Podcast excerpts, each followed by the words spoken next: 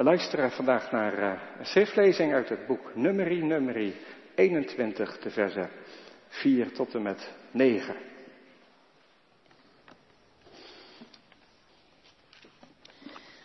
Numeri 21 vanaf vers 4.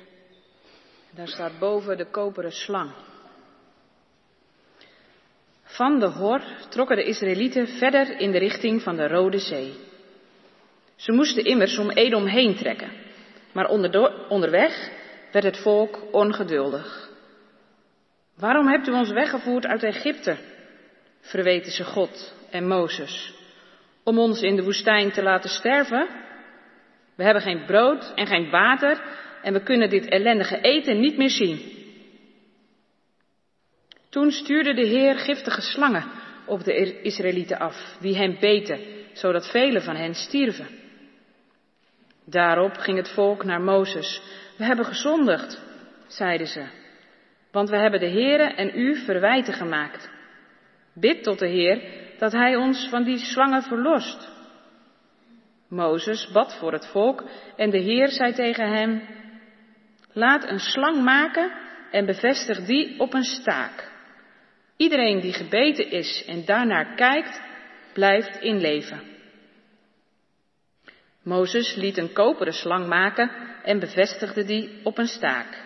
En iedereen die door een slang gebeten werd en opkeek naar de koperen slang, bleef in leven. Dit is het woord van God.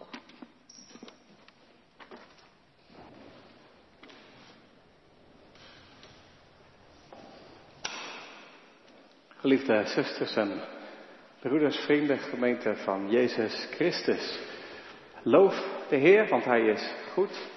Want zijn goede tierenheid zal bestaan in eeuwigheid. Misschien heb je vroeger op school dat wel geleerd als een van je eerste psalmversjes. In Israël leerden ze in ieder geval die psalm, loof de Heer, want Hij is goed als een van de eerste, een van de meest basale liederen om te zingen ik vind het zelf jammer, ik heb niet op een school gezeten waar ik die psalmen leerde. Ik leerde heel andere liedjes. Maar mooi als je ze wel geleerd hebt. En ja, als je ze geleerd hebt, zing je ze eigenlijk ook nog.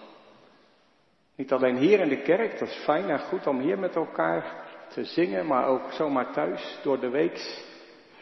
Zing je ook eigenlijk wel eens? Gebruik je wel eens je, je stem om te zingen? misschien gek, maar volgens mij zingen we minder. Ik weet, mijn oma die groeide op in een dorpje ergens in Zeeland.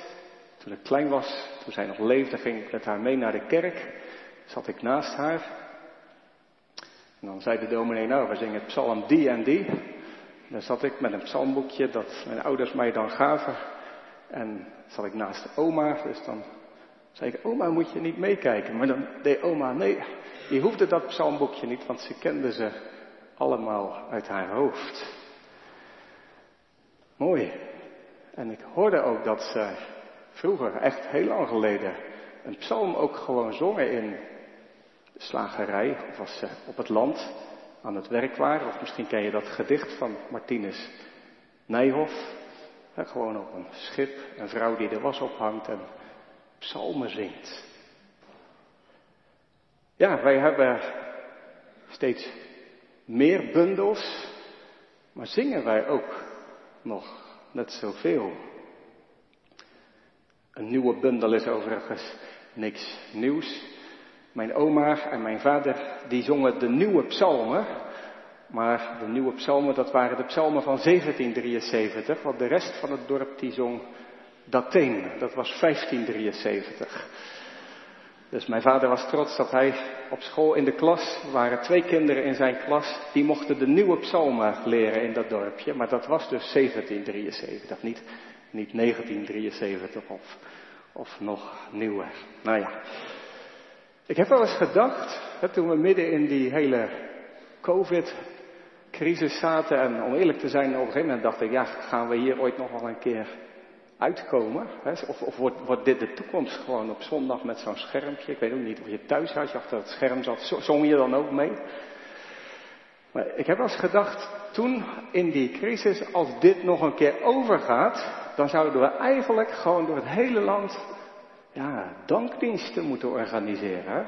Zangdiensten, dan moeten we met stampvolle kerken moeten we met z'n allen God gaan loven en prijzen. Maar weet niet hoe dat hier was.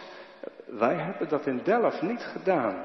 Ik heb er eigenlijk ook elders in het land niet veel van gehoord dat er nou dankdiensten en lofzangdiensten georganiseerd werden omdat COVID voorbij was. En we weten ook allemaal wel hoe dat kwam natuurlijk, want in diezelfde week, je weet het nog wel, dat er afgekondigd werd dat die maatregelen voorbij waren.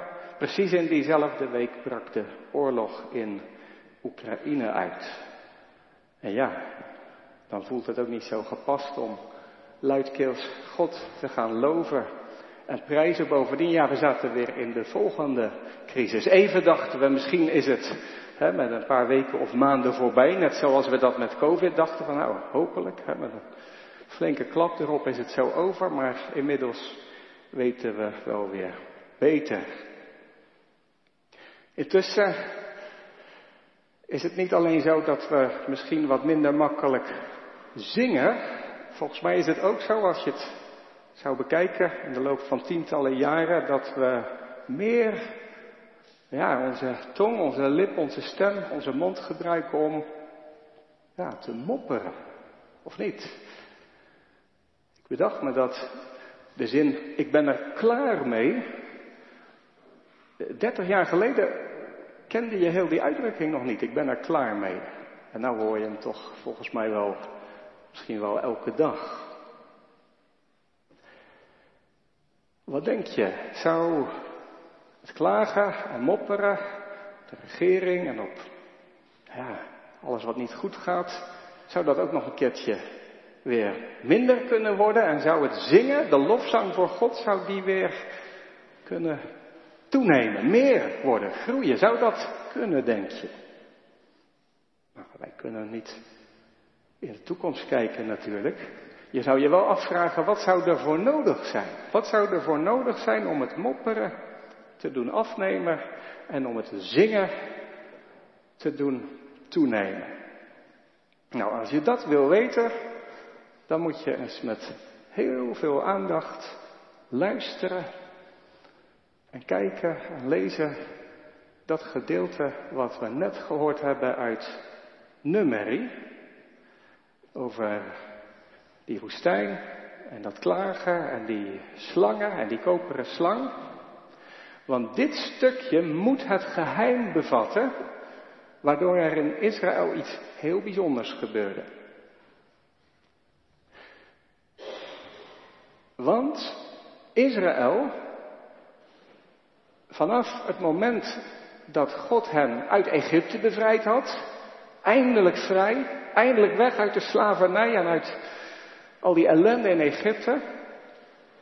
Ja, toen ze door de zee heen waren gegaan, hebben ze gezongen onder leiding van Mozes, heel lang geleden. Maar daarna is de reis één reis van gemopper en geklaag geworden. Eerst, dat lees je in het boek Exodus, een reis naar de berg Sinaï, dat is het boek Exodus. Dan heb je in het midden heb je het boek Leviticus, dat gaat er over hoe God, een heilige God, samen kan leven met zondige mensen. Het hart van het boek Leviticus, dat is de grote verzoendag. En daarna het boek Numeri is een boek dat gaat over hoe het volk Israël als volk van God, als mensen van God, van die berg Sinaï mocht reizen naar het beloofde land. Maar hoe reizen zij? Die mensen die straks een land van melk en honing, een heerlijk paradijs gaan beërven. Hoe reizen zij? Reizen zij al lovend en prijzend? Nee, sinds dat moment dat ze aan de overkant van de zee waren, hebben we ze niet meer horen zingen. En wel horen mopperen. Wij loven de Heer niet, want Hij is niet goed. Hij laat ons doodgaan. Hij laat ons verrekken hier in de woestijn dat. Hij is niet goed en daarom loven wij hem niet. Dat is eigenlijk het refrein in Numeri. Het, het, het houdt maar niet op. Maar na ons Bijbelgedeelte houdt het gemopper wel op. dat we in nummerie heel vaak gehoord hebben. En als je vanaf hoofdstuk 21 doorleest naar het einde van het boek, is er geen één keer meer gemopper. En als je vers 17 leest, Israël zong toen dit lied. Ze beginnen weer te zingen.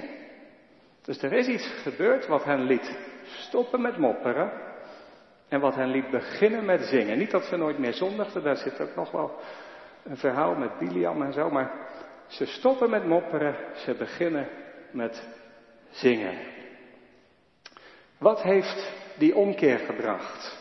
En wat bij hen die omkeer bracht, zou dat bij ons niet ook zo'n omkeer kunnen brengen? Zouden we dat ook niet heel hard nodig hebben vandaag, misschien?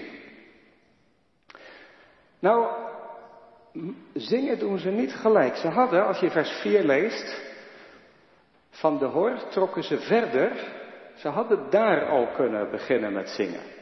Dat ziet u waarschijnlijk niet, want u bent niet waarschijnlijk de afgelopen tijd bezig geweest met nummerie.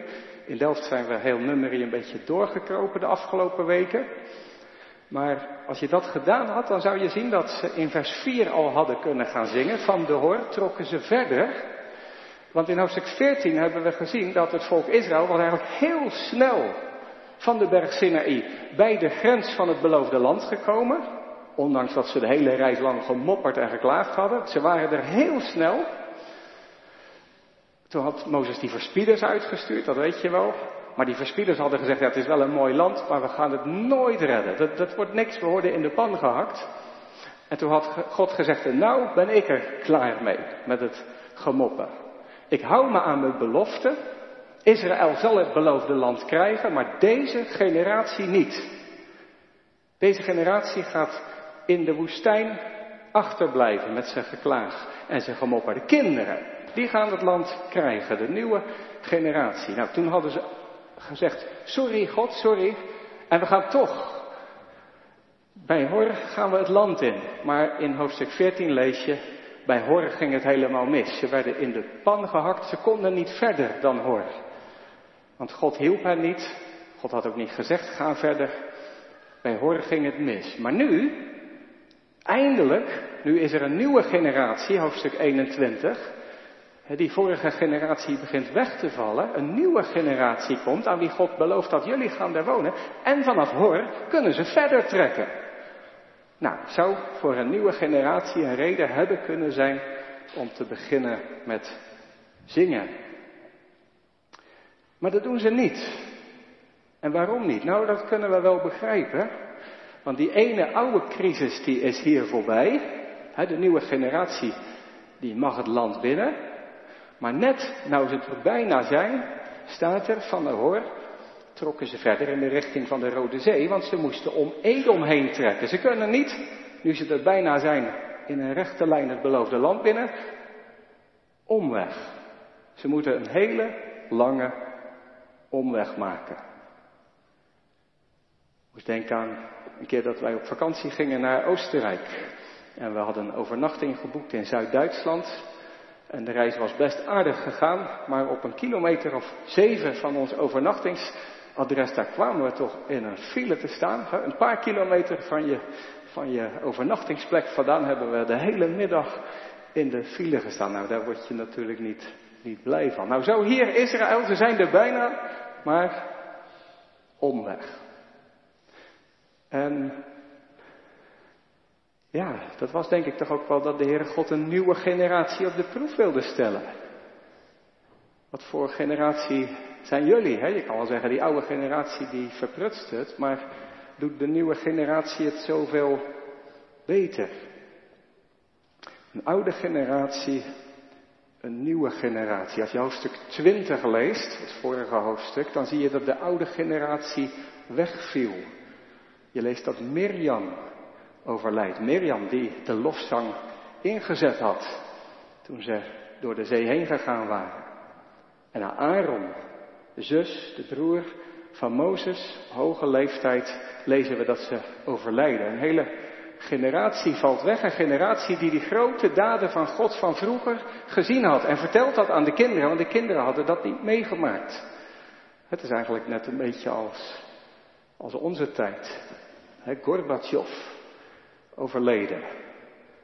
Dat, uh, sommigen weten dat nog wel, hè? Glasnost en perestroika, Oost en West, Rusland en Amerika en zo. We zouden weer vrienden worden. Wat was dat een vond ik een mooie tijd. Een muur die viel. Gorbachev. En denk aan Elisabeth. Ook een soort Mirjam van, ja, van Groot-Brittannië en voor heel veel mensen meer. En ja, toch een vrouw die er altijd voor gestaan heeft. Die Tweede Wereldoorlog heeft meegemaakt en hoe ja, er weer vrijheid kwam en een wederopbouw kwam. Een generatie valt weg. Gorbachev, Elisabeth, Mirjam, Aaron. En een nieuwe generatie treedt voor de dag met nieuwe uitdagingen. Hoor, ze kunnen verder, maar ze loven niet. En misschien ook wel begrijpelijk, want ze moeten om. En hoe reageren ze erop dat ze een omweg moeten maken? Er staat in vers 4, ze werden ongeduldig. Letterlijk staat er, ze werden kort. Kort, ze waren er klaar mee. Ze werden kort. Wat zal ze laten stoppen met mopperen? Wat zal ze laten beginnen met zingen? Allereerst maar, wat laat ze stoppen met mopperen? Nou ja, niet dat zij nou uit zichzelf beter zijn dan de vorige generatie of anders. als we ze horen mopperen, dan is het weer precies als de vorige generatie. Vers 5. Waarom hebt u ons weggehaald uit Egypte, verweten ze God en Mozes? Om ons in de woestijn te laten sterven? We hebben geen brood en geen water, we kunnen dit ellendige eten niet meer zien. Bittere woorden zijn dat. Bijtende, giftige taal. God is niet goed. wat God gedaan heeft is ons eigenlijk alleen maar dood laten gaan. En niet voor ons zorgen. We hebben geen eten. Ja, ja, we hebben dit manna, maar dat zijn we inmiddels zat. Was dat manna echt zo slecht?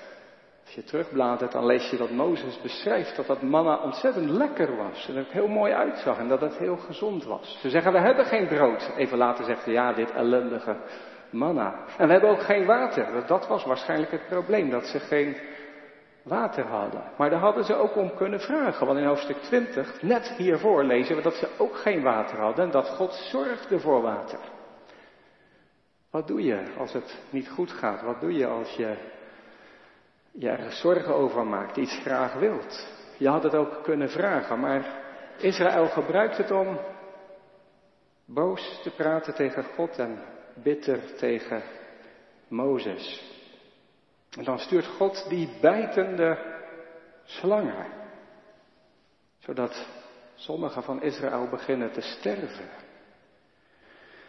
Ja, dat was ook niet de eerste keer dat God een plaag zond. In het boek Exodus lees je dat God allemaal plagen zendt op Egypte en de farao. En die verhalen kennen we wel.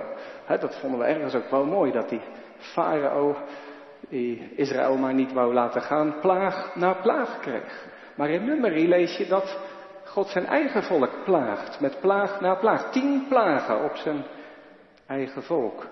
Is God dan een plaaggod?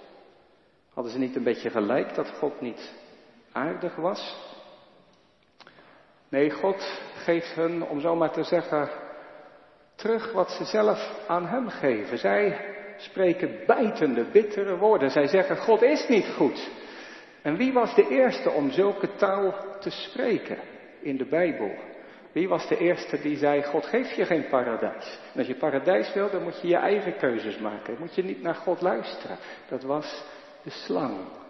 En zo is de mens meegegaan met de slang. Zo begint de mens, zelfs het volk van God, te praten als de slang. Zo praten is kennelijk besmettelijk. Tot zover niks nieuws. De nieuwe generatie is echt niet anders of beter dan de oude generatie. Ze klagen en mopperen net zo hard. En toch stopt het mopperen. Hoe komt dat? Wat gebeurt er dan? Vers 7, nadat die slangen gingen bijten, ging het volk naar Mozes en ze zeiden, we hebben gezondigd. want we hebben de Heere en u verwijten gemaakt. En dat, dat is wel anders. Dat is nou de eerste keer van Exodus tot en met Numeri dat we dat horen. Ze zijn niet beter, maar ze zien in dat het niet goed was om zo over God te denken en zo tot God en zo tot Mozes te spreken. Door die pijnlijke, brandende bijt komen ze tot inkeer. Hier begint hun mopperen te stoppen. Waarom? Mopperen is eigenlijk in een positie gaan zitten dat jij alles en iedereen beoordeelt. Je overheid, je leidinggevende, je God. Ze bakken er niks van. Koekenbakkers zijn het, allemaal. En dat noemt de Bijbel nou eigenlijk trots. Dat wij beoordelen, in de positie zijn om te zien wat een ander ervan af, hoe een ander het ervan afbrengt. Maar hier ineens door die beet worden ze wakker. Ze kijken niet meer naar de fouten en het falen van een ander mogelijk, maar ze komen onder het oordeel van God te liggen. Ze zien, we zijn zelf degene die het verprutsen. Ze krijgen berouw. En waar je berouw krijgt, waar je jezelf leert kennen voor God, daar stopt je gemopper. Daar ga je anders kijken. Daar zie je dat, je, dat God je eigenlijk heel genadig geweest is. met jouw kort af zijn, met jouw zonde is God heel lang van geduld. Heel groot in genade en goedheid. Ze krijgen berouw en ze erkennen het voor God. Daarin zijn zij anders dan de vorige generatie. Dat zou mooi zijn als dat bij ons ook zo kon zijn. Niet hoogmoedig, maar nederig, ootmoedig. Kun je wel afvragen waarom werden zij wel nederig, ootmoedig? Waarom kregen zij wel berouw en de vorige generatie niet? Nou, dat moet wel alles te maken hebben met die vorige generatie. Inderdaad, die vorige generatie had er niks van gebakken, had heel veel fouten gemaakt. Maar die vorige generatie heeft de nieuwe generatie wel meegegeven. Word niet als ons. Leer van onze fouten. Het is niet een goed idee om de vorige generatie weg te doen, af te schrijven. Te zeggen wij weten het beter en wij zien het beter. En jullie deden het niet, dus wij doen het wel. Je kunt leren van een vorige generatie, ook al heeft een vorige generatie heel veel fouten gemaakt. De vorige generatie geeft mee aan de nieuwe generatie Wees niet trots, hoogmoedig, luister naar God. Zoek Hem, Hij is goed, niet slecht, Hij is geduldig. Die vorige generatie had herinneringssymbolen meegegeven aan de nieuwe generatie, waardoor zij de fouten van de vorige generatie konden, zich konden herinneren. Dat lees je in de vorige hoofdstuk, dat ze bijvoorbeeld de staf van Aaron hadden en op het altaar hadden ze koperen platen gemaakt die herinnerden aan de opstand van Korach en Datan en Abiram. Ze hadden aan hun kleren hadden ze kwastjes gemaakt die hun allemaal herinnerden aan, ja, aan zonde van vroeger en aan de liefde van God. Dat ze daar niet bij weg moesten lopen. Toch wel waardevol, zo'n vorige generatie. Hoe stopt het gemopper? Niet doordat een nieuwe generatie beter is, maar doordat een nieuwe generatie, ook dankzij de oude generatie, zichzelf leert kennen, een andere positie inneemt ten opzichte van God. En hoe begint een nieuwe generatie dan te zingen? Ze vragen aan God, via Mozes, Heere God, neem alstublieft die slangen weg.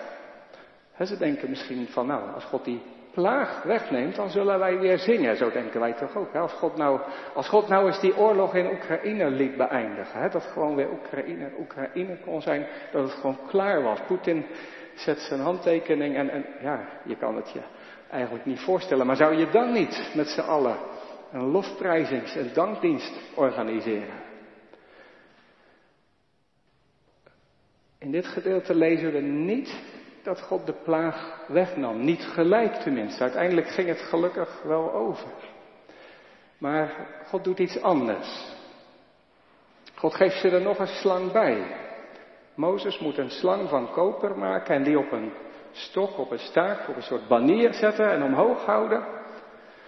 En daar moeten ze naar kijken. Ze hadden bijtende slangen en God zegt tegen Mozes, maak een beeldje van een slang. Dat is eigenlijk heel raar, hè? want met de tien geboden had God gezegd dat je geen beeld mag maken. En nou zegt God, maak een beeld van een slang. Is dat niet vreemd? Die slang kenden ze overigens heel goed. Hè? Ook toen ze nog in Egypte waren, moet je maar eens op Wikipedia opzoeken. Zo'n farao, daar zie je altijd op het hoofd van die farao, zie je bij de kroon die hij droeg, daar zit altijd een slang. Dus daar kenden ze de slang van, van Egypte, en ze kenden de slang uit het paradijs. En nou zegt, zegt God tegen Mozes, maak een slang, houd hem omhoog en laat het volk daarnaar kijken. Eén blik op die slang is genoeg, dan zullen ze genezen. En we lezen dan dat het volk niet alleen een blik wierp op die slang, maar in vers 9 lezen we, ieder die door een slang gebeten was en opkeek, en het woord voor opkeek hier is niet alleen kijken, het woord voor opkijken is, ja, heel aandachtig kijken, mediterend kijken, zoals je naar een heel mooi schilderij kijkt, die, die, die, die beschouw. Die Israëlieten gingen niet even een blik werpen op die slang, ze gingen lang kijken naar die slang en ze, en ze vonden, vonden genezing. God neemt de slang niet weg, maar God zegt, kijk eens naar deze koperen slang. Het is eigenlijk niet een beeld, het is eigenlijk een anti-beeld. Weer een herinneringsteken om, om eens na te denken. Oh ja, slang, slang. Die slang kennen we wel, paradijs. Die slang hebben wij naar geluisterd. Die slang zijn wij gevolgd. We zijn zelf slangentaal gaan spreken. Wij zijn gaan geloven dat God streng en niet goed en niet aardig is en dat wij goed zijn. Slang. Wij zelf hebben er een potje van gemaakt. Wij zelf zijn de vuist gaan ballen tegen God. Ze komen al kijkend naar de slang tot inkeer en ze herinneren zich de belofte. Want dat had Mozes hen verteld. over Adam en Eva. En dat God een belofte gedaan had. Hij had gezegd tegen die slang, ja slang, jij zal de mensen in de hiel bijten, iedere keer opnieuw, en brandende pijn veroorzaken, ellende, pijn en chaos, we zien het elke dag. Ja slang, jij zal bijten in de hiel, maar het nageslacht van Eva zal de kop van jouw slang vermorzelen. Israël mag kijken naar de slang en terugdenken aan de belofte van God. Het geloof in de woorden van de slang neemt af en het geloof in de belofte van God. De belofte van toekomst en van leven en van hoop krijgen ze terug en zo genezen ze en zo kunnen ze verder. Zo beginnen ze weer te zingen. Gemopper stopt als we niet langer God beoordelen, maar beseffen wie wij zijn in zijn oordeel slangenmensen. Zingen begint als wij, ja, als wij weer de belofte van God voor ogen krijgen. De kop van de slang vermorzeld. Een God die het leven wil en niet de dood. De liefde wil voor hem en niet de boosheid en de haat tegen hem. Zingen begint waar God het geloof wekt. Nou, Mozes heeft dat allemaal opgeschreven voor toekomstige generaties, voor generaties na hem. Dat zij ook aan die slang zouden denken. En wij hebben natuurlijk meer dan de boeken van Mozes. Wij hebben de hele Bijbel. Wij hebben ook niet alleen het vierde boek van het Oude Testament, wij hebben ook het vierde boek van het Nieuwe Testament. Johannes 3, vers 14 bijvoorbeeld, daar zegt de Heer Jezus, de mensenzoon moet hoog verheven worden, zoals Mozes in de woestijn de slang omhoog geheven heeft. Johannes Evangelie is ook een boek om geloof te wekken. Voor Johannes is geloven zien en zien is geloven. En wat wil Johannes dan? Dat wij zien en geloven. Hij wil dat wij het kruis zien. Dat is de kern van het Johannesevangelie. Daar hangt hij. Kijk eens goed. Zoon van God gezonden om de kop van de slang te vermorzelen. Is God niet goed? Kijk eens goed, wie hangt daar als God zijn eigen, zijn enig geboren zoon gegeven heeft? Als hij jou en mijn en onze plaats daarin wil nemen, wat wij als slangenmensen verdiend hebben, vurige pijn, hitte, toorn, wij hadden niet anders verdiend, maar kijk nou, daar hangt hij. En neemt het op zich, draagt het weg, hij de dood, zodat wij kunnen leven. Kijk, denk aan de slang, maar ook denk aan hem die de belofte vervuld heeft dat de kop van de slang, die, die giftige mond, die tanden, verbrijzeld zouden worden, zodat wij kunnen leven. Zingen begint bij geloven. Nou, mopper je nog en zing je al? Hoe zit dat bij ons? Wat kan ons helpen om wat meer naar dat kruis te kijken en aan dat kruis te denken? Zou eh, ja, je zou misschien een crucifix op kunnen hangen. In je slaapkamer of boven je deur of zo. Misschien heb je dat ook. Zou dat helpen? Het opvallende is, het bijzondere is, dat die slang we nog een keertje tegenkomen in 2 Koningen 18. Tijdens de reformatie van koning Josia. Besluit koning Josia om die koperen slang die Mozes gemaakt had, weg te doen. Waarom?